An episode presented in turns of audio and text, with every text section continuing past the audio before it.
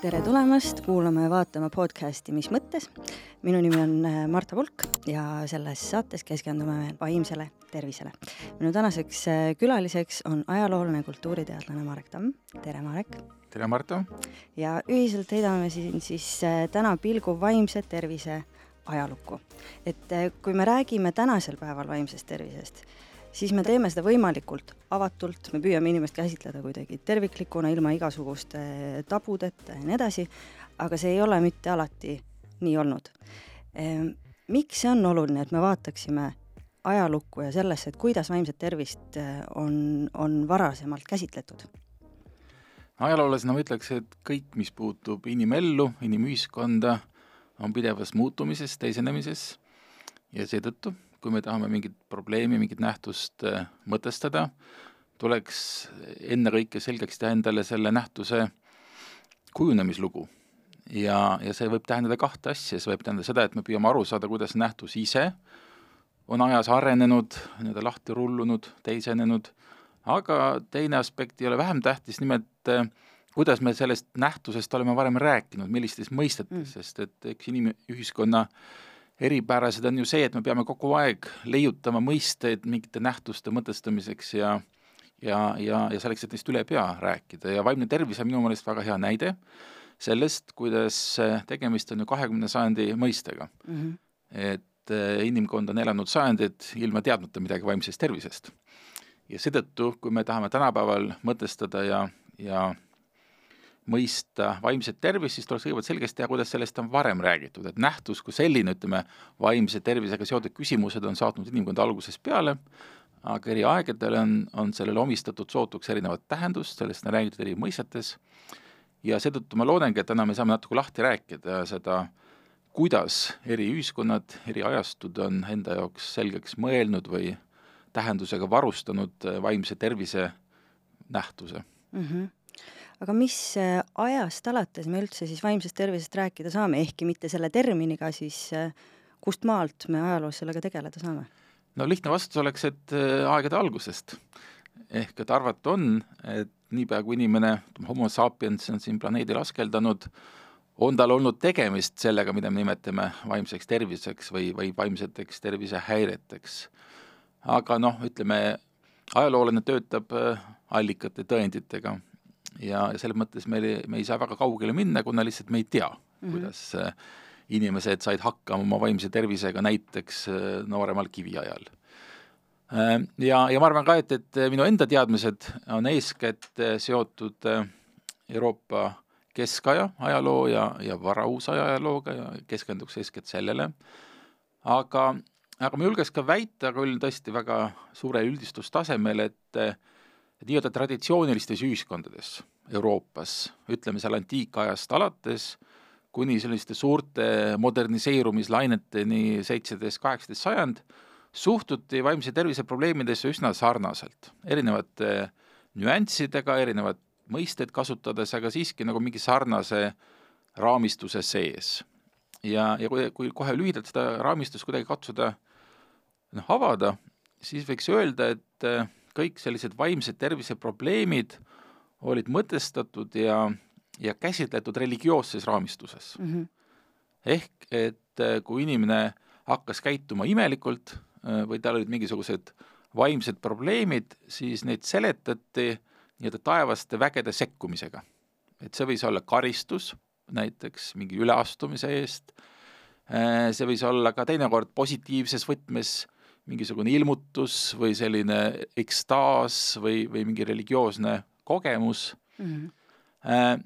ja, aga igal juhul sellega nagu tuldi toime või sellega nagu kuidagi püüdi hakkama saada ka religioosses raamistuses, kasutades erinevaid religioosseid rituaale, äh, näiteks, et ajada välja kurja vaime inimesest ja, või muud sellist. ja, ja, ja noh, meie mõttes, meie mõistes on see natuke niisugune mütoloogiline, lihtsakoeline ja nagu ka vale et me tänapäeval ütleme, et see ei ole mingisugune kuratlik või jumalik äh, sekkumine inimellu, vaid need on hoopis sellised äh, mm, neuroloogilised või, või kuidagi igal juhul inimese enda keha ja ja, ja vaimuga seotud äh, probleemid mm. -hmm. ja, ja tõepoolest see, see suur murrang ongi siis seotud sellise moderniseerumisprotsessiga, kui hakatakse korraga rääkima vaimsetest probleemidest meditsiinivõtmes, et see on nagu teaduslik probleem, mitte religioosne probleem.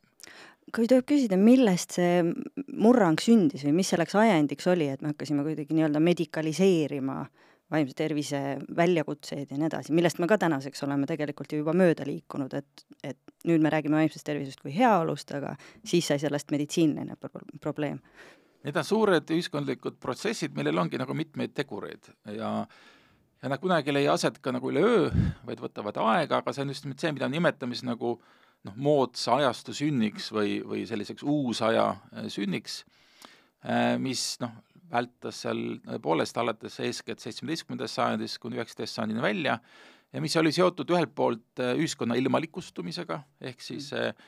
kirik kaotas oma positsioone ühiskonnaelu korraldamise üle, et ta jäi küll alles, aga tema mõju oli jälle piiratum, ehk siis üha rohkem valdkondi liikusid nagu sellisest religioossest sfäärist välja ilmalikku sfääri, äh, teiseks toimus väga suur linnastumine, äh, ühiskonna sellise struktuuri muutumine, paljud inimesed hakkasid elama koos linnas ja, ja pidid ka oma kooselu teisiti korraldama kui varem, hakati elama mingisugustes sarnastes raamides, sarnastes äh, rütmides, näiteks et tööl käidi seal kella järgi, mitte siis, kui päike tõusis või kui lumi mhm. ära sulas. Ja, ja samuti on see loomulikult seotud sellega, mida me nimetame siis nagu industrialiseerumiseks või selliseks tööstuse kasvuks ja kuidas selline traditsiooniline tsükliline maaelu asendus niisuguse mm, kella järgi käiva, täpse, korraldatud, urbaniseerunud tööstusliku eluga mm. -hmm nii et, et ja vaimse tervise probleemina lihtsalt üks väike lüli siis selles suures ühiskondliku muutumise protsessis ja alati, kui muutub ühiskond, kui muutub ühiskonna korraldus, kui muutub ka nagu majanduslik kord, muutub ka inimeste noh, mentaliteet, inimeste nagu väärtussüsteemid ja hoiakud, eelarvamused, nii et see on jah, selline äh, suurte protsesside teema mm. -hmm. ja, ja tõepoolest äh, ka see ei ole mingi ajaloo lõppsada et, et, et ka see moderniseerumine ja, ja, ja nende moodsa ühiskonna sünd kindlasti areneb edasi ja ma usun ka, et me lõpuks jõuame sinna, et tänapäeval me ehk juba vaatame nii-öelda kolmandast vaatenurgast sellele vaimse tervise küsimusele.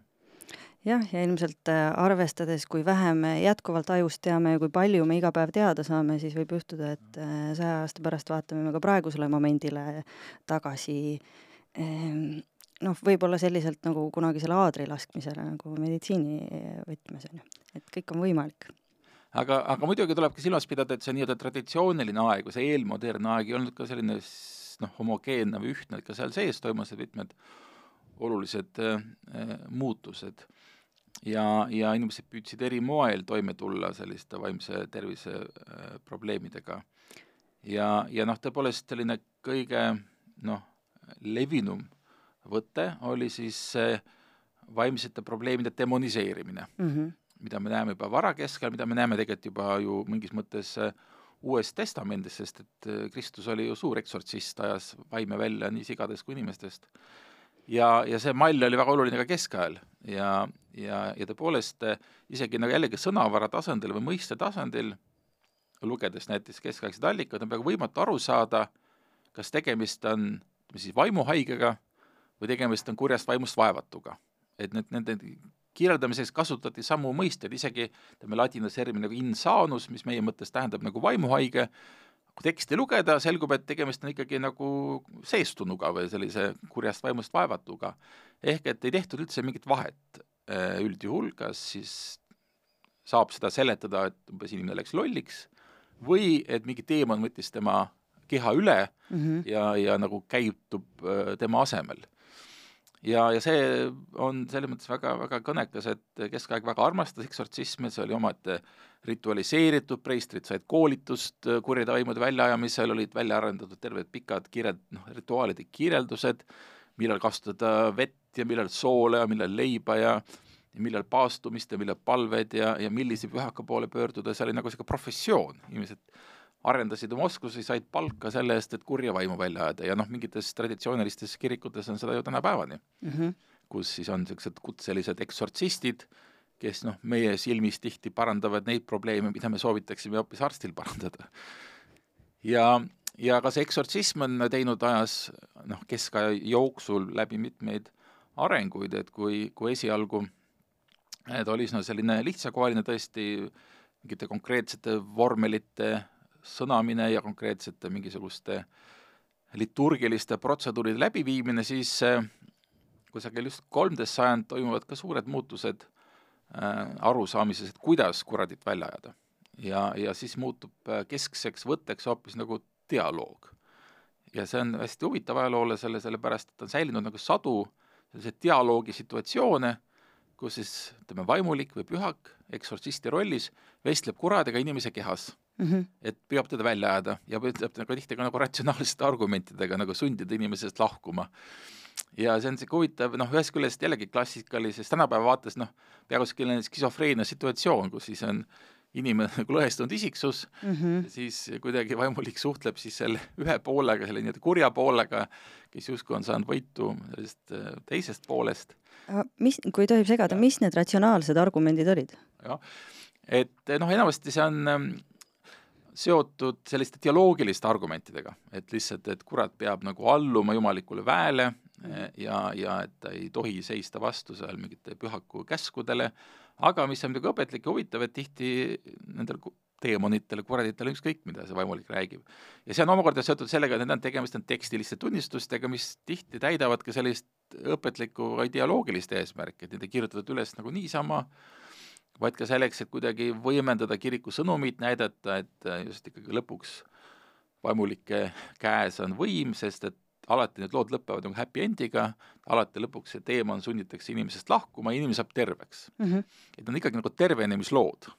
ja, ja, ja tõesti, need on, need on sadu, mitte tuhandeid selliseid meie mõttes siis vaimse, ütleme, vaimuhaigusest tervenemisi, eh, mida saavutatakse läbi teemonite väljaajamise, tihti see on väga nagu füüsiline ja, ja, ja materiaalne, et eh, kuidas siis see kurat sealt suust välja tuleb ja mille ta jätab endast mingisuguse vereraja järgi või või see on nagu väga niisugune täpselt kirjeldatud ja loomulikult millised karjed või millised oiged ja ja kõik see noh, võim-, võimsad lavastused, mille üks eesmärk oli muidugi ikkagi siis näidata, et kes on nagu peremees või kes suudab kelle allutada, aga, aga igal juhul jah, see seestumus on siis see võti, läbi mille eh, keskajal räägiti eh, vaimuhaigetest mm -hmm. ja, aga mis on võib-olla oluline, on see, et, et, et läbi selle, et süüdi oli alati mingisugune teemonlik vägi, et inimesed ise ei olnud milleski süüdi okay.. ja, ja need inimesed olid nagu osa kogukonnast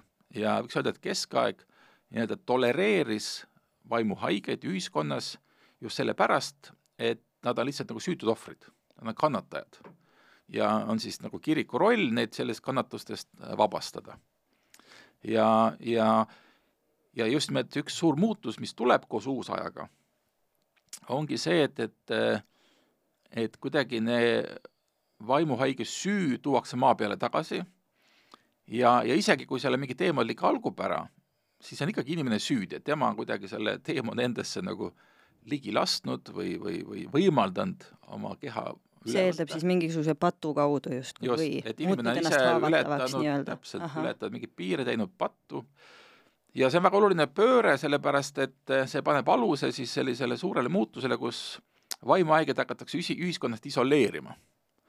et vaimuhaige muutub nagu võõraks, teiseks, ja, ja sellest on just väga veenvalt, ütleme, kas just veenvalt, aga kindlasti väga ilmekalt ja poeetiliselt kirjutanud prantsuse filosoof ajaloolane Michel Foucault oma raamatus Hullumeelsuse ajalugu ja, ja selles mahukas raamatus, mis ilmus juba tuhat üheksasada kuuskümmend üks, üks keskne tees on just nimelt see hullude sulgemine mm. -hmm. tema jaoks on see nagu üks äh, noh, inimkonna, ütleme siis lääne kultuuri suuri pöördehetki, kus äh, ühiskond enam ei käsita vaimuhaigeid, aga ka teisi vähemusi ühiskonna kuidagi liikmetena, kui natuke teistsuguste liikmetena, aga siiski integreeritud liikmetena, vaid asub neid isoleerima, kus hakatakse ehitama hullumajasid, hakatakse ehitama igasuguseid Äh, suletud asutusi, kuhu suletatakse seal pidalitõbised, äh, ketserid, prostituudid ja kõik teised niisugused ühiskonna vähemusgrupid. et tekib selline jõuline noh, ühiskonna tsentraliseerumine ja, ja niimoodi vähemuste, teistsuguste inimeste surumine ühiskonna äärtele mm -hmm. ja, ja nende sulgemine, et Foucault nimetabki seda suureks sulgumiseks, mille tema paigutab just seitsmeteistkümnendasse sajandisse, ta seob selle väga konkreetse seitsmeteist sajandi keskel asutatud Pariisi üldhaiglaga, mis on selline esimene suur institutsioon, kuhu hakatakse siis nende hullusid sulgema. ja, ja, ja noh, loomulikult seda aeg-ajalt või otseid, ositi esitatakse ka justkui nagu sulgemine ravimise eesmärgil, aga kui me vaatame, noh, mis see ravimine tähendas, siis noh, meie jaoks ravimine ei ole.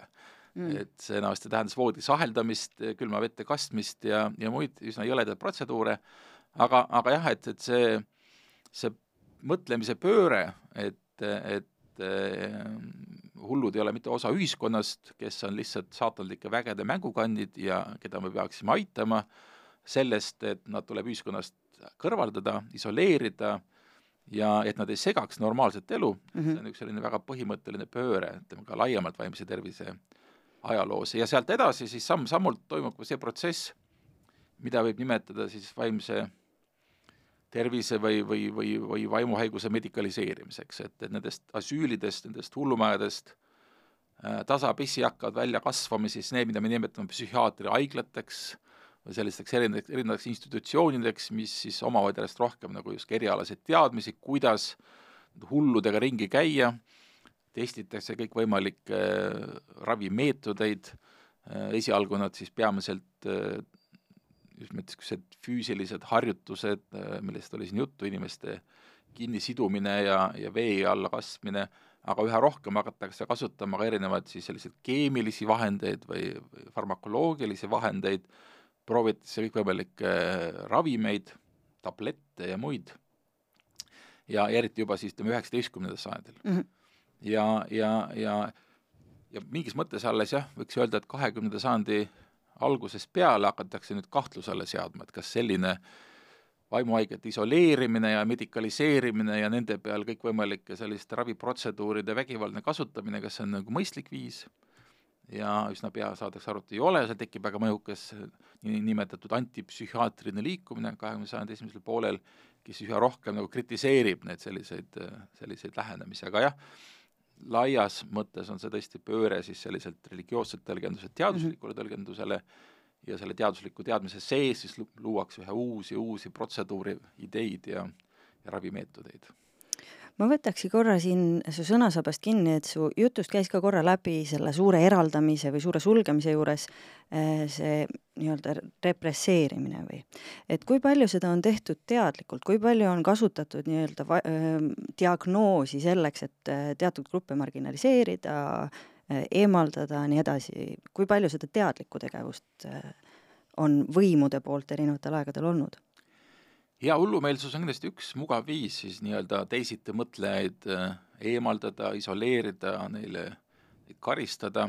Ja raske on ka alati seda piiri tõmmata, et kus on teadlik, kus on ebateadlik, mõnikord on see lihtsalt nagu viis, tuled toime teistsugususega mm, -hmm. ilma et seal taga oleks mingi suur plaan või süsteem, aga jah, üks selline väga levinud ja üle sajandite ulatuv marginaliseerimisviis on siis tõepoolest inimeste kuulutamine hulluks ja, ja siis niimoodi sundravile suunamine või, või isoleerimine.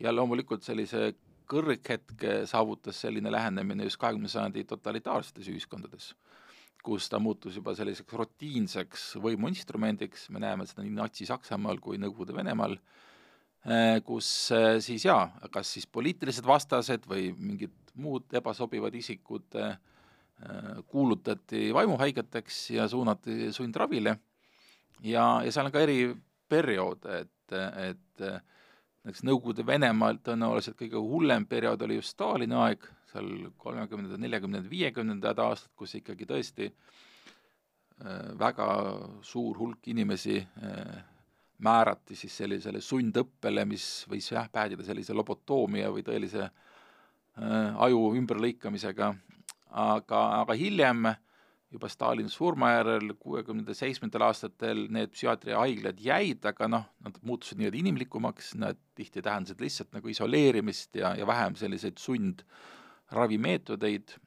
aga, aga nõus, et, et on olnud tihti selline mugav vahend, kuidas võimul tulla toime talle ebamugavate või ebameeldivate ühiskonnaliikmetega mm. -hmm ja ma ei tea, kuidas sulle tundub, aga et meie tänases Eesti ühiskonnas, kus see debatt vaimse tervise teemadel muutub küll, jumal tänatud, üha avatumaks, aga tundub, et see selline nõukogude ajast pärit stigma kuidagi, et on häbiasi tunnistada, ehm, et on mingisugused väljakutsed, et see on ikkagi hästi paljus seotud just nimelt sellega, et et vaimse tervise probleem on ohtlik, potentsiaalselt ohtlik.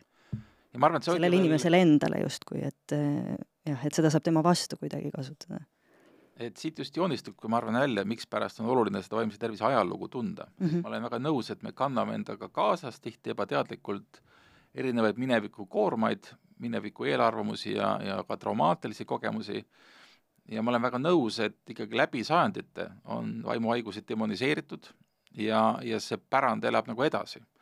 et, et see on ikkagi ebamugav teema sellest rääkida, see tundub natuke nagu halb, negatiivne, just nimelt sellepärast, et sajandina seda negatiivseks peetud aga tõepoolest Eesti eripära on veel see, et siia lisandub see Nõukogude pärand mm, -hmm. mis, mis veel keeras vindi peale kogu sellele negatiivsele ja traumaatilisele pärandile ja, ja tõepoolest noh, ikkagi totalitaarne režiim suhtus äh, erinevustesse, eri sättumustesse ja eri vaadetesse väga kriitiliselt, väga teravalt ja tihti oli just nimelt see hullumeelsus siis see, noh, võti, kuidas sai need siis isoleerida ja, ja see hakkas ju pihta juba koolisüsteemis, et olid tekitatud niisugused eriinternaatkoolid, kuhu suunati siis nii-öelda noh, ebasobivad õpilased mingis mõttes või need raskesti kasvatatavad õpilased ja, ja noh, see tähendas tihti ka ikkagi geograafilist või niimoodi füüsilist isoleerimist, need erikoolid olid kusagil kaugetes piirkondades ilma suurema ühenduseta mm -hmm. ja see toimus, näiteks mina, kes ma suuresti kasvasin üles Hiiumaal, siis oli ikkagi lapsepõlves oli väga tüüpiline, et kui sa ilusti ei käitu, siis sa lõpetad Kõpu koolis. et Kõpus oli niisugune eriinternaatkool, kuhu saadeti siis kõik Hiiumaa niimoodi raskesti kasvatatavad noored ja see oli siis see noh, kõige hullem, mis sinuga võis juhtuda mm. -hmm. et ähvardusena kogu aeg pea kohal. just, et, et siiamaani nüüd, kus ma suvitan ja elan palju Kõpus, siis ma olen püüdnud seda kõput, mis oli lapsepõlves nagu väga negatiivne, et see on kõige õudsem koht, maailma lõpp, kuhu saadetakse need niisugused eriti rasked lapsed, et püüdnud seda nüüd positiivselt hõlmata või kuidagi nagu ümber hinnata. Enda jaoks näitab, rehabiliteerida. aga see näitab, kuidas ikkagi kõik, kes on vähemalt kasvanud veel Nõukogude ajal või on saanud kaasa selle pärandi, et, et ikkagi õige ongi niisugused teistsugused või, või vaimsete probleemidega või kuidas me iganes nimetame, noored noh, ühiskonnast isoleerida mm -hmm. ja panna nad omavahel kokku. Noh, mis on ju tegelikult, eks ole, peaaegu vastupidine tänapäeval, tänapäevasele arusaamisele, kus pigem kutsutakse üles, eks ole, et integreerima ja olema mm -hmm. osa ja, ja ka leppima, et inimesed ongi erinevad ja, ja mitte siis need hoopis niimoodi äh, lahutama ja, ja omavahel kokku panema. et oleme jõudnud tagasi selle nii-öelda keskaegse äh, eelmodernse käsitluseni, kus me oleme kõik osad sellest ühiskonnast ja ja et äh, ja nojah, ütleme siis see need inimeste hõlmamine ja, ja toetamine on nagu olulisem kui see, et me, et me nad vaiba alla ära lükkame. tõesti jah, et sellest suurest sulgumisest me oleme võib-olla välja kasvanud ja, ja liikunud tagasi sellisesse arusaamisesse, et hullud on osa ühiskonnast, nii nagu kõik erinevad vähemused, aga, aga muidugi me enam ei, ei siis ei käsitle seda vaimse tervise teemat nagu sellises religioosses võtmes või mm, -hmm. või sellises teemantliku algupära äh, võtmes. mul tuli veel korraks vist pähe veel, et, et tõesti väga huvitav teema, mida ma väga hästi ei valda, aga aga on just see varane selline psühhiaatriline teadmine, kuidas see moodustub et kuidas siis hakatakse noh, diagnoosima ja igasugu klassifikatsioone välja töötama. aga mida lihtsalt nagu välja tuua, mis mul kunagi silma jäi, et üks võtmeisik selles valdkonnas oli see psüh-, ütleme siis vaimuhaiguste klassifikatsiooni äh, väljatöötamises, on äh, saksa psühhiaater äh, Emil Keppelin mm, -hmm. kes oli nimelt viis aastat Tartu Ülikooli psühhiaatria professor ja ja, ja tõesti, tema oli vist esimene, kes siis äh, kuidas öelda, pakkus välja niisuguse teadusliku kirjelduse, teadusliku seletuse vaimuhaigustele ja, ja kes noh, eristas nad selle kahte põhitüüpi, ma mäletan, mis siiamaani kähtivad, selline maniakaal-depressiivsed juhtumid ja, ja skisofreenilised juhtumid. ja kes pakkus kogu selle, nagu selle sõnavara välja, ka ladina keeles, niisuguse erialase sõnavara, kuidas siis need nii-öelda hulle liigetada, kuidas neid diagnoosida ja pakkus välja ka ravimeetodeid, et mingis mõttes võib öelda, et, et Eestil on oma suur roll, roll selles, et, et siis välja pakkuda selline teaduslik äh, vaimuhaiguse terminoloogia ja uurimine.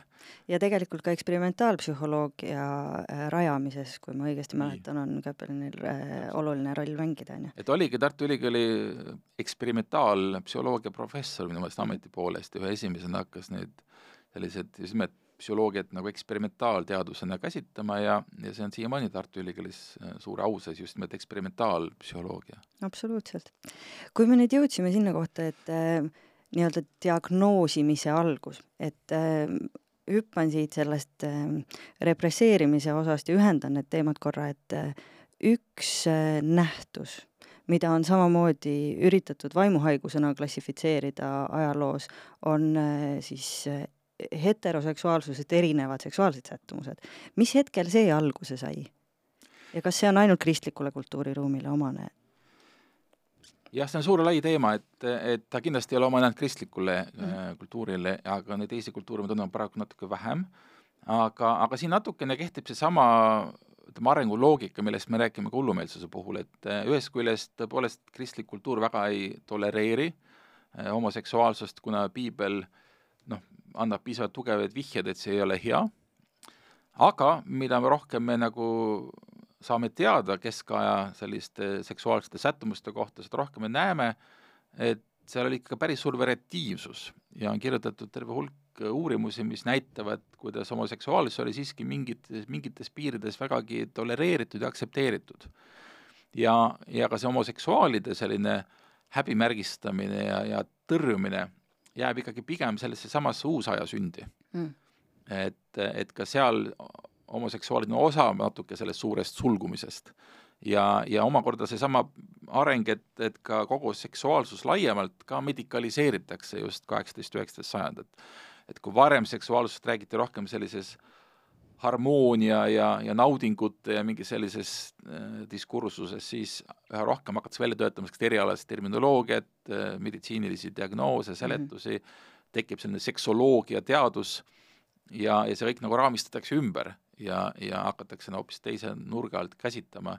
Ja selle käigus siis loomulikult ka tekitatakse igast klassifikatsioone, millest mõned on siis nii-öelda haiglased või hälbelised ja teised on siis normaalsed et seesama teaduslik diskursus kehtestab siis ka selle normi, mille suhtes siis kõiki neid hälbed uuritakse, samas kui jah, varasemates äh, kultuurides selliseid rangeid norme ei olnud ja valitses palju suurem selline variatiivsus, olid mingid moraalsed hinnangud ja aga need ei olnud nagu sellised välistavad mm. -hmm. et, et näiteks noh, jällegi natuke juhuslik näide, aga väga huvitav on see, kuidas keskaja kultuur suhtus prostituutidesse.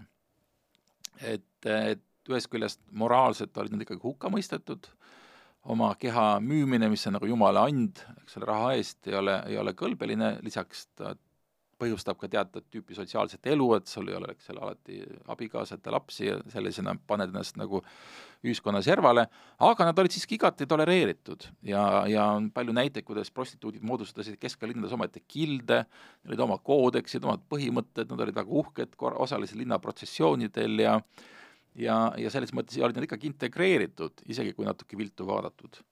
aga, aga ka siin me näeme, et esimesed niisugused prostituut, prostituutide juba nagu tõrjumis, isoleerimiskatsed on on eeskätt juba kolmteist, neliteist sajand, aga, aga suuremas mahus ikkagi hakatakse neid nagu tõrjuma ühiskonna servale, spetsiaalsetesse hoonetesse äh,, jällegi uusajal.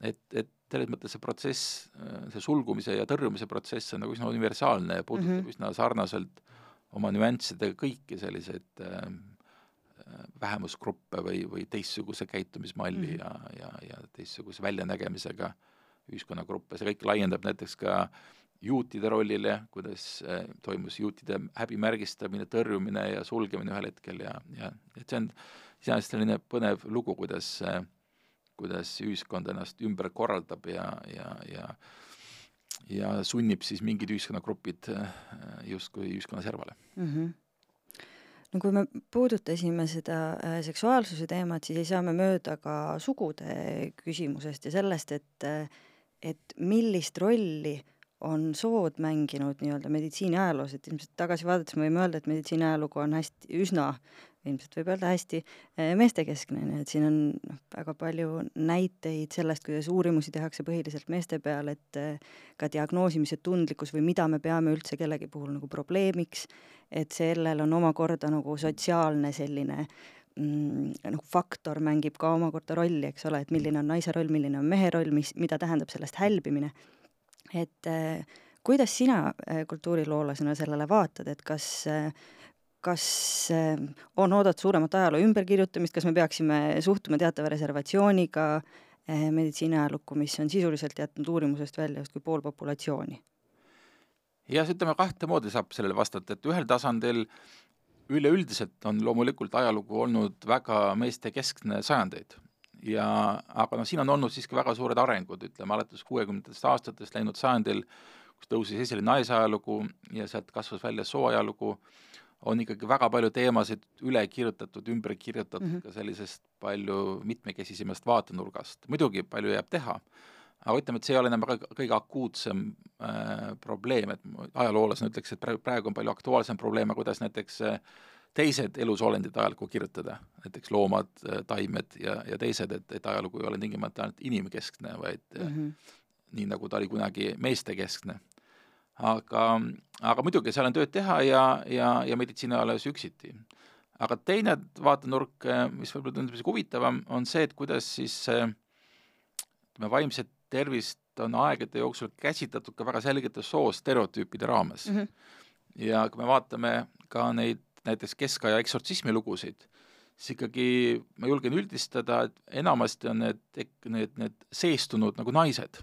ehk et et naist käsitleti nagu aldimana äh, teemantlikule nagu rünnakule või et, et naist oli kuidagi nagu lihtsam äh, jah, hõivata. ja, ja nõrgem sugupool. nõrgem sugupool ikkagi mm. just nimelt ja, ja, ja tegelikult ka hiljem, kui me vaatame seda varast psühhiaatria ajalugu just üheksateistkümnendal sajandil, Charcot ja teiste teooriaid, nad ikkagi eeskätt töötasid naispatsientidega. et kogu see teema, et selline hüsteeria äh, kui vaimuhaigus ja, ja emotsionaalselt üles köetud naisterahvad ja mm -hmm. ühesõnaga ikkagi need vaimuhaiguse tunnused nagu omistati pigem nagu naistele. et, et, et selles mõttes saab ka rääkida sellest sooperspektiivist, et et, et ikkagi hull on ennekõike naine võiksime ta väga lühidalt resümeerida, et et muidugi see on väga üldiselt öeldud, väga palju on ka meeshulle ja, ja, ja ka keskajal leiab äh, kuradist vaevatud mehi, aga mulle, aga näib siiski, et üldistada saab, et, et väga palju seda äh, vaimuhaigust aga nii-öelda feminiseeritud mm. -hmm. mehed olid eksortsistid, mehed olid, ütleme siis need, keda nimetati toona arstideks mm. -hmm. ja, ja võib-olla see juba ise kallutab sinnapoole, et siis patsiendid peavad olema naised. et, et nagu mehed on nagu selle nii-öelda mõistuse poolel ja, ja ravimise poolel ja -hmm. ja nagu võimu poolel. jah, ja määratlevad, et mis on ja määratlevad täpselt ja mm, -hmm. ja annavad ka just nimelt definitsioonid, kes on haige, kes ei ole haige et ma arvan, juba hakkab sealt pihta, et, et see vaade vaimuhaigusele oli ikkagi nagu meesvaade. mehed defineerisid, kes või mis on vaimuhaige, et, et, et see on ilmselt kõige olulisem. aga, aga ilmselt ka tõesti see, et, et, et kui mees käitus äh, kummaliselt, et seda võis põhjendada hoopis kuidagi teisiti, et ta oli kuidagi kangelaslik või vapper või, või, või, või noh, kuidagi mitte nagu sellise seestumuse äh, laadis või ka mitte nagu meditsiinilises laadis, et see on äkki ka üks viis, et, et kuidagi need niisugused meeste väärtusilm oli teistsugune, et kui naine tegi kõva häält, siis ta on hull, aga mees tegi mm -hmm. kõva häält, siis ta oli hoopis niisugune vapper ja julge ja, ja just. äkki seegi seletab, mul tuleb pähe nagu paralleel äh, nõidadega, sest et kogu see nõiauskumuste komplekt on ka omakorda seotud selle vaimse tervisega ja ja üks viis, kuidas äh, hakati ka niimoodi demoniseerima ja tõrjuma vähemusgruppe varauusajal, oli just läbi süüdistuste nõidumises. ja nõiaprotsessid, nõidade põletamine, see on ka üks nagu jah, märk sellest ühiskondliku nagu korra kehtestamisest ja, ja, ja teistsuguste tõrjumisest. ja, ja naised vähemalt kui meie mõtleme Eestis selle peale, nõiad on, vabandust, alati naised. et kuidagi nagu see mm, nõiafiguur on eeskätt naisfiguur, aga, aga see on tegelikult geograafilise erinevus, et seda on natuke uuritud ja välja toodud, et, et Lääne-Euroopas tõepoolest selline arhetüüpne nõid ja ka statistiliselt kõige rohkem põletati naisi, aga näiteks Põhjamaades ja, ja paistab üha enam, et ka siinsamas Vana-Liivimaal olid nõiad pigem mehed mm. -hmm. ja, ja, ja, ja, ja ütleme, Kesk-Ida-Euroopas ka laiemalt. et siin võis olla ka mingeid huvitavaid geograafilisi variatiivsusi et ja võimalik, et see laieneb ka siis nii-öelda vaimuhaigetele, et, et ka siin võis olla piirkondlik erinevus, et kus rohkem kuulutati hulludeks naisi ja kus võib-olla kuulutati rohkem hulludeks mehi. et see väärib täitsa omaette vaatlust. kui sa tuled selle nõidade teema juurde, siis mulle Äh, meenub sinu artiklist see mõte, eks ole, ja sa tegelikult mainisid seda vestluse alguses ka, et kui me vaatasime religioossest aspektist vaimse tervise probleeme, et mitte kõik seestumised ei olnud negatiivsed. et kui me vaatame näiteks äh, loodusrahvaste poole, et kas sellised äh, positiivsed seestumised, saaksid sa nendest natukene rääkida, mida see tähendas, see ühendus kõrgema vaimu, kas see oli võib-olla kuidagi väärtustatud tegelikult osades ühiskondades? jaa, et noh, me võime laiemalt teha sellise tüpoloogia, millised on inimeste suhted nii-öelda teispoolsusjõududega mm. -hmm. ja need võivad olla siis kas negatiivsed või positiivsed, et kas nad on nagu äh, meile peale äh, surutud ja mingisugused vaenulikud jõud võtavad meid üle, sunnivad meid midagi tegema või ütlema, mida me ei taha, ja see on siis see nii-öelda jah, äh, selline juma-, kuratlik seestumus. aga, aga me näeme ka muidugi näiteid siis positiivsetes suhetes, kus me ise kutsume esile kus me tahame saada osadust, kus me äh, kehastame mingisuguseid positiivseid taevased jõudusid. ja noh, ka piibel pakub näite nelipühist, kuidas apostlid hakkasid niimoodi rääkima erinevates keeltes, püha vaim laskus nende peale ja mingis mõttes ka see on nagu selline positiivse seestumuse näide mm. -hmm. aga, aga see on tõesti üks kultuuri universaal, et, et pea kõikides kultuurides on kuidagi need suhted teispoolsusega noh, jaotatud, liigitatud ja on kultuure, kus siis domineerib see negatiivne seestumus, nagu on kristlik kultuur, aga on kultuure, kus siis pigem domineerib see positiivne seestumus ja, ja üks näide, tuntud näide on erinevad sellised šamanistlikud kultuurid mm, -hmm. kus tegelikult šamaan ikkagi ka otsib kontakti nagu teispoolsusega, mingis mõttes laseb endasse ühe sellise taevase vaimu, kes siis näiteks avaldab mingeid saladusi või kuulutab tulevikku või, või ravib ja, ja see on just nimelt selline tahtlik äh, kontakti loomine selliste positiivsete jõududega. et seda ka nimetatakse erialakeeles nagu adortsism, et kui eksortsism on kurjade vaimude väljaajamine, siis adortsism on hoopis vaimude sissekutsumine. ja, ja, ja tegelikult see seotub ka nagu selle vaimuhaiguste teemaga, sest äh, ka, ka, ka traditsioonilistes Euroopa kultuurides äh, vaimuhaigust sai positiivselt käsitleda äh, eriti näiteks selliste pühakute kontekstis mm. -hmm. õigupoolest näiteks ka ju väga kuulus figuur on vene õigeusu kultuuris on juradivõi, selline nagu, nagu jumala hull. Äh, et ta on küll hull, aga nagu hea hull või positiivne hull, et ta on nagu, tema hullus on tingitud mingist erisuhtest äh, teispoolsusega. et ta näiteks kuulutab mingeid tõdesid või, või suudab korda saata mingeid imetegusid äh, või siis lihtsalt kuidagi oma olekuga nagu toob teateid teispoolsusest või näitab, et kuidagi on ka mingeid teisi väärtusi kui need niisugused maised ilmalikud, nii et et isegi jaa äh,, vaimuhaigust äh, saab käsitleda positiivsena, justkui nagu see kingitusena, mitte, mitte needusena. Võtan siit korra kinni ja küsin, et äh, viimaste aastate selline on olnud teatav trend eh, omistada tänaseid eh, diagnoose ajaloolistele isikutele. no just nimelt see, et igaüks eh,, peaaegu igaüks, kes on eh, loonud midagi uut, astunud süsteemist välja, et eh, olgu see Da Vinci, olgu see Mozart, nii edasi, et vot, et neil kindlasti oli Aspergeri sündroom ja nii edasi, et selliseid tänaseid teadmisi rakendada sinna. mis sa arvad, kas see annab meile midagi, on selline tegevus kuidagi nagu mõtestatud? no üldreeglina on see mõttetu ehk et et lihtsalt nagu jällegi ajaloo töötab tõendite allikatega mm -hmm. ja, ja üldreeglina ja minu meelest on see ka nagu arstide seisukoht, et me ei saa postuumselt äh, diagnoosida vaimseid haigusi. et selleks on vaja ikkagi läbi viia nii-öelda kohtvaatlus, koguda tõendid ja selliste kaudsete kirjalike või teiste tunnistuste põhjal mingeid diagnoose pakkuda on, on ikkagi väga riskantne ja, ja võib väga kergesti nagu rappa minna ja, ja, ja selles mõttes me tegelikult eksitame ennast, kui me arvame, et me oleme justkui midagi ära seletanud.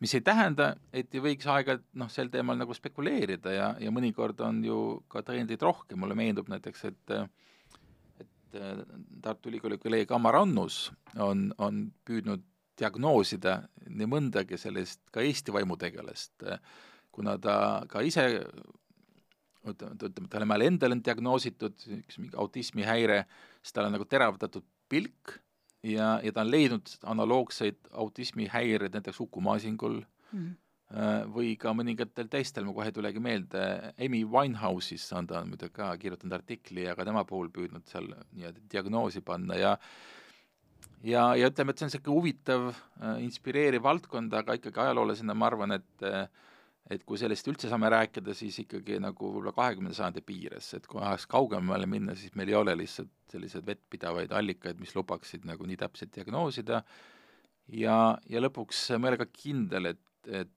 et see on kõige olulisem. just.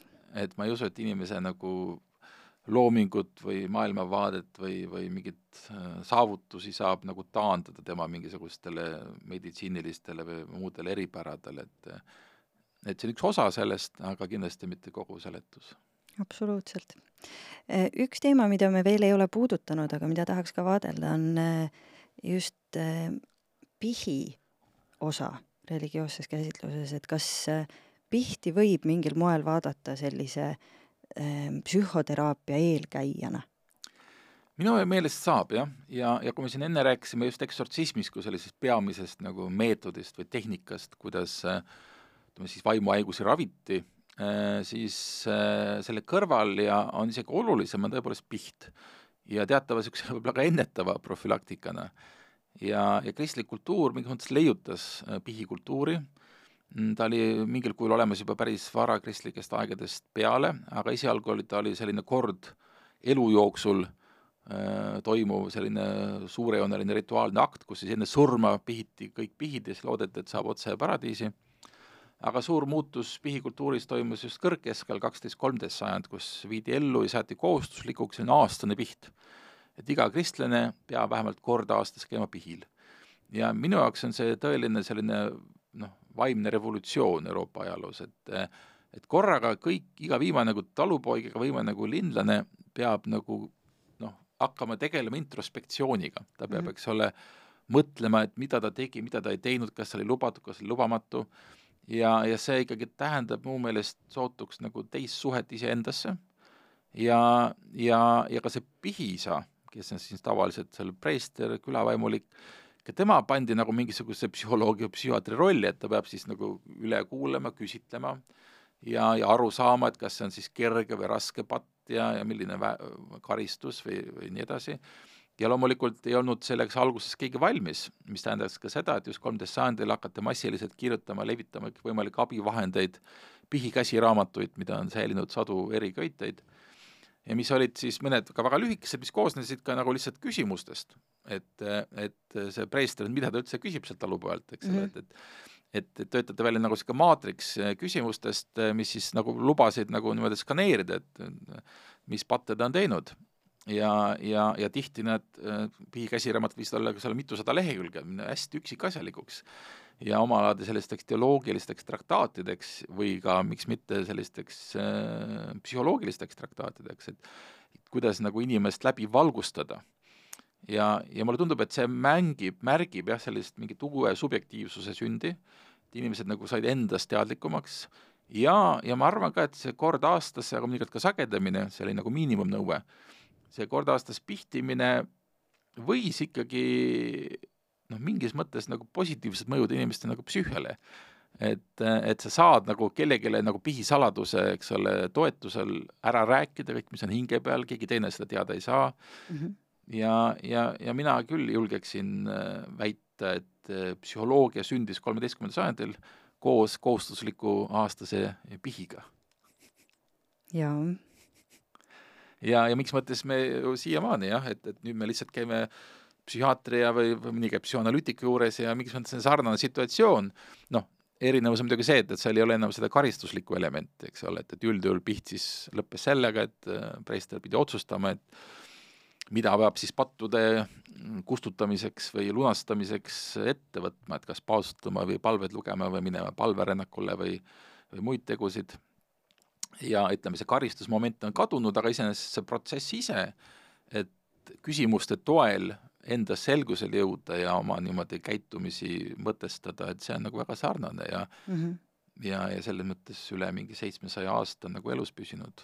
jah, ja noh, see lunastuse aspekt on ju mingis mõttes sama, eks ole, et sa oma kõige suuremat saladust jagad kellegagi, selleks on loodud mingisugune ruum, sul on võimalus see välja öelda ja tajuda, et sa oled vaatamata sellele kuidagi aktsepteeritud, olgu siis kas või oma äh, loe kuus korda issa meiet, ma ei tea, mis see täpne ülesanne võib olla vastavalt äh, üleastumise raskusele, aga et äh, et see reeglistik on selge ja see annab inimesele tegelikult mingis mõttes ju kontrollitunde ja. tagasi. jaa, täpselt.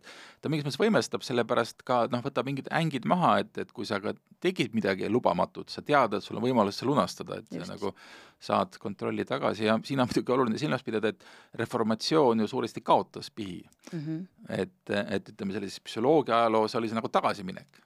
et, et Luter arvas, et seda pole vaja, et see on mingisugune pappide väljamõeldis, et piibel seda ette ei näe, aga, aga, aga mu meelest oli see viga, et tegelikult see oli nagu väga kasulik institutsioon. et seda funktsiooni ei saa tegelikult äh, alahinnata. just, et mm, -hmm. et võib-olla ikka, et see reformatsioon panustas siis ka sellise ilmaliku institutsiooni asutamisesse, et kuna enam siis paljudes piirkondades kirik seda rolli ei täitnud, et siis tekkis vajadus sellise jah, nii-öelda tellimuse järele või, või, või kuidagi, et keegi teine seda äh, ülekuulamist eh, läbi viiks, ma ei tea, kas seal on otsene seos, aga aga kes teab, noh teine võib-olla selline huvitav öö, eh, otsus, et ütleme, eh, Kesk-Euroopas katoliga kirikus kusagil jällegi samal ajal, kaksteist sajandi lõpp, kolmteist sajandi lõpp, kolmteist sajandi algus mõeldi välja puhastustuli teispoolsuses, purgatoorium. et kui noh, piibel õpetab ja, ja sajandid oli teada, et on kaks valikut, kas põrgu või paradiis ja mingis mõttes on see õudselt ängistav valik, sest et sa tead, et noh, paradiisi lähevad nii vähesed, eks ole, et keegi meist ei ole täiuslik. Ja, ja et kõik me noh, enamik lõpetame põrgus. ja, ja see võib seal tekitada, ma arvan, ikka päris suurt niisugust sotsiaalset stressi. Et, et tee, mis tahad, aga ikka lõpetad põrgus. Ja kuna ja. põrg on igavene, elu on ajutine, et seal ikkagi ma arvan, ja siis noh, võiks öelda, et tuldi välja täiesti geniaalse ideega, et on niisugune vahevariant, puhastus tuli, mis on niisugune ajutine põrgu aga mis mõttes, rõhk on ajutisel, et, et sõltuvalt siis sinu nii-öelda pattude eksimuste hulgast, siis sõltub, kui kaua pead sa seal puhastustules nagu olema, et sind nii-öelda puhastatakse, eks ole, väga ebameeldival moel seal, Dante on sellest, seda, seda kirjeldanud, erinevaid viise, kuidas sind seal praetakse või marineeritakse, aga alati on see lootus, et ja. alati sa lõpuks saad paradiisi. Ja siis tuleb Luter, ütleb, et purgatoorium on välja mõeldud, ei tööta, pole vaja, on ikka ainult põrgu ja paradiis ja jällegi mingisuguses psühholoogilises äh, tõlgenduses on see jällegi nagu tagasiminek, et võeti inimestelt lootus ära ja, ja kõik on nagu väga niisugune nullsumma mäng ja, ja elu selle võrra nagu palju ängistavam, nii et need on tegelikult huvitavad, kuidas suured niisugused religioossed protsessid ka minu meelest mõjutavad väga sellist ühiskonna vaimset äh, mhm. seisundit mm. -hmm. jah Eh, no õnneks oleme me nii kategoorialistest lähenemistest tänaseks jõudnud päris kaugele, et kui me nüüd räägime vaimsest tervisest, siis me ei mõtle enam mitte lihtsalt vaimse tervise probleeme, me ei mõtle ka lihtsalt nagu pahaolu puudumist, vaid me räägimegi heaolust üldisemalt. sellest, et inimene on tervik, vaimne ja füüsiline tervis on omavahel seotud ja nii edasi. mis sa arvad, mida see käsitluse muutumine meile annab? mis väärtuse see kaasa toob? Ma arvan, see alusväärtus ongi see, et inimese käsitlemine nagu tervikuna või holistlikult, et, et me kuidagi ei võõranda näiteks, et haiged on kuidagi nagu väljaspool ühiskonda või kuidagi teistsugused või, või kuidagi, et neil on mingi probleem, et ikkagi, inimene on üks tervik, tal on erinevad äh, faasid, erinevad äh, kogemused, erinevad probleemid, aga ta ikkagi on inimene ja ühiskonnaliige ja, ja selles mõttes me kuidagi jah, oleme loobunud sellist isoleerimise mõtlemisest ja, ja ka sellisest rangest medikaliseerimisest, kus nagu igat probleemi saab lahendada ühe konkreetse ravimiga, selle asemel mm, -hmm. et mõelda, et kuidas see mõjutab inimest tervikuna.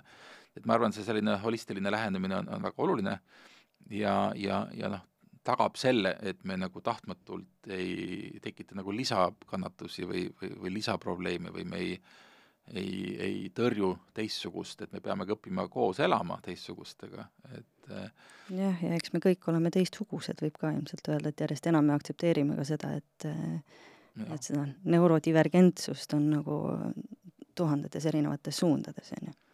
ja, ja lõpuks, et ega ka kuidas öelda ähm,, meid on palju üksiti selles mõttes, et, et meie keha on ju, eks ole, tohutu keerulise mikrobiomi selline mm, lava ja, ja otseselt oluline, et kõik need teised organismid saaksid hästi läbi ja et me suudaksime ka selles mõttes holistlikult inimest mõista, et, et ta ei ole tegelikult nagu indiviid, et ta on tegelikult äh, vägagi jagatav mm, -hmm. mitte jagamatu, nagu see indiviid algselt tähendab.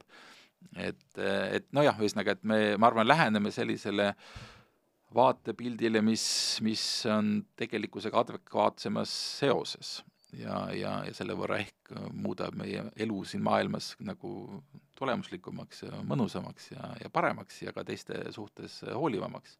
aga ikkagi kogu selle eelnõu jutu taustal, eks ole, me peame endale meelde tuletama, et see ei, ka ei pruugi olla lõplik arusaam maailmast. ja aeg-ajalt ma ka küsin endalt, et nüüd, kus me, kus me räägime väga palju vaimsest tervisest ja, ja diagnoosime seda järjest täpsemini, et mingis mõttes me jällegi pakume nagu uut tegelikkuse kirjeldust ja, ja, ja muudame selle enda jaoks ka probleemiks, sest et kui, eks ole, vaadata ühele või teisele poole, siis ikkagi rõhutatakse, et meil on väga suur probleem vaimse tervisega. et eks ole, järjest suurem osa ühiskonnast äh, saab diagnoosi, erinevad vaimse tervise diagnoosid, ja nüüd ongi huvitav küsimus ja mul ei ole sellele ka vastust, aga, aga just nimelt sellise historiseeriva vaatenurga pealt võib ju küsida, et kas see lihtsalt jälle üks uus viis tegelikkust kirjeldada ja, ja, ja, ja mingis mõttes, noh, heas mõttes luua äh, neid probleeme, äh, kuna me lihtsalt oskame nüüd neid kirjeldada ja, ja, ja, ja, ja nendega tegeleda. aga lihtsalt siin on see oht, et äh, et me ühel hetkel noh, läheme, liigume teise äärmusesse ja mm, -hmm. ja, ja just nimelt ei tule toime sellega, et inimene ongi puudulik ja tal ongi probleemid. ja, ja me ei pea seda kõike no jällegi selles mõttes medikaliseerima, et seda alati nagu diagnoosima. et, et ma arvan, et kui väga hoolega otsida, siis me kõik saame mingi diagnoosi ja, ja, ja, ja siis nüüd ongi küsimus, et mis, mis, mis me sellega siis peale hakkame, et kas me nüüd noh, ühesõnaga korraldame konverentse ja, ja, ja arutelusid sellest, et meil on mingid väga suured probleemid, või lihtsalt ütleme, et me lihtsalt nüüd oskame võib-olla täpsemalt äh, neid erinevusi ja probleeme kirjeldada, aga see ei tähenda, et on põhjus nagu kohe paanikaks. et, et või teistpidi, et siis on põhjust kogu aeg paanikaks, et see ongi üks inimelu eripära, et et, et kui selle peale mõelda, siis on paanika kakskümmend neli seitse. jaa. No sa oled püstitanud ühe väga huvitava küsimusele, millele oleks hea saada, äh, võtta siit kohe vastuseks ka mõne vaimse tervise eksperdi hinnang, et mis on need ülediagnoosimise ohud ja nii edasi. aga Marek, mina tänan sind, et sa täna stuudiosse tulid, et neid teemasid meile avasid. aitäh kuulajatele, et te olite meiega jälgige meid äh, Stories for Impacti äh, sotsiaalmeedias, nii Facebookis, Instagramis kui LinkedInis. andke meile märku, milliseid mõtteid, milliseid küsimusi tänane episood teis tekitas ja millistele küsimustele tahaksite te järgmistes osades vastuseid leida. mis mõttes podcast on toetatud Erasmus plussi poolt ja järgmisel korral räägime me juba uue külalisega, aga ikka samadel teemadel. meie keskmeks on vaimne tervis. aitäh! Thank you.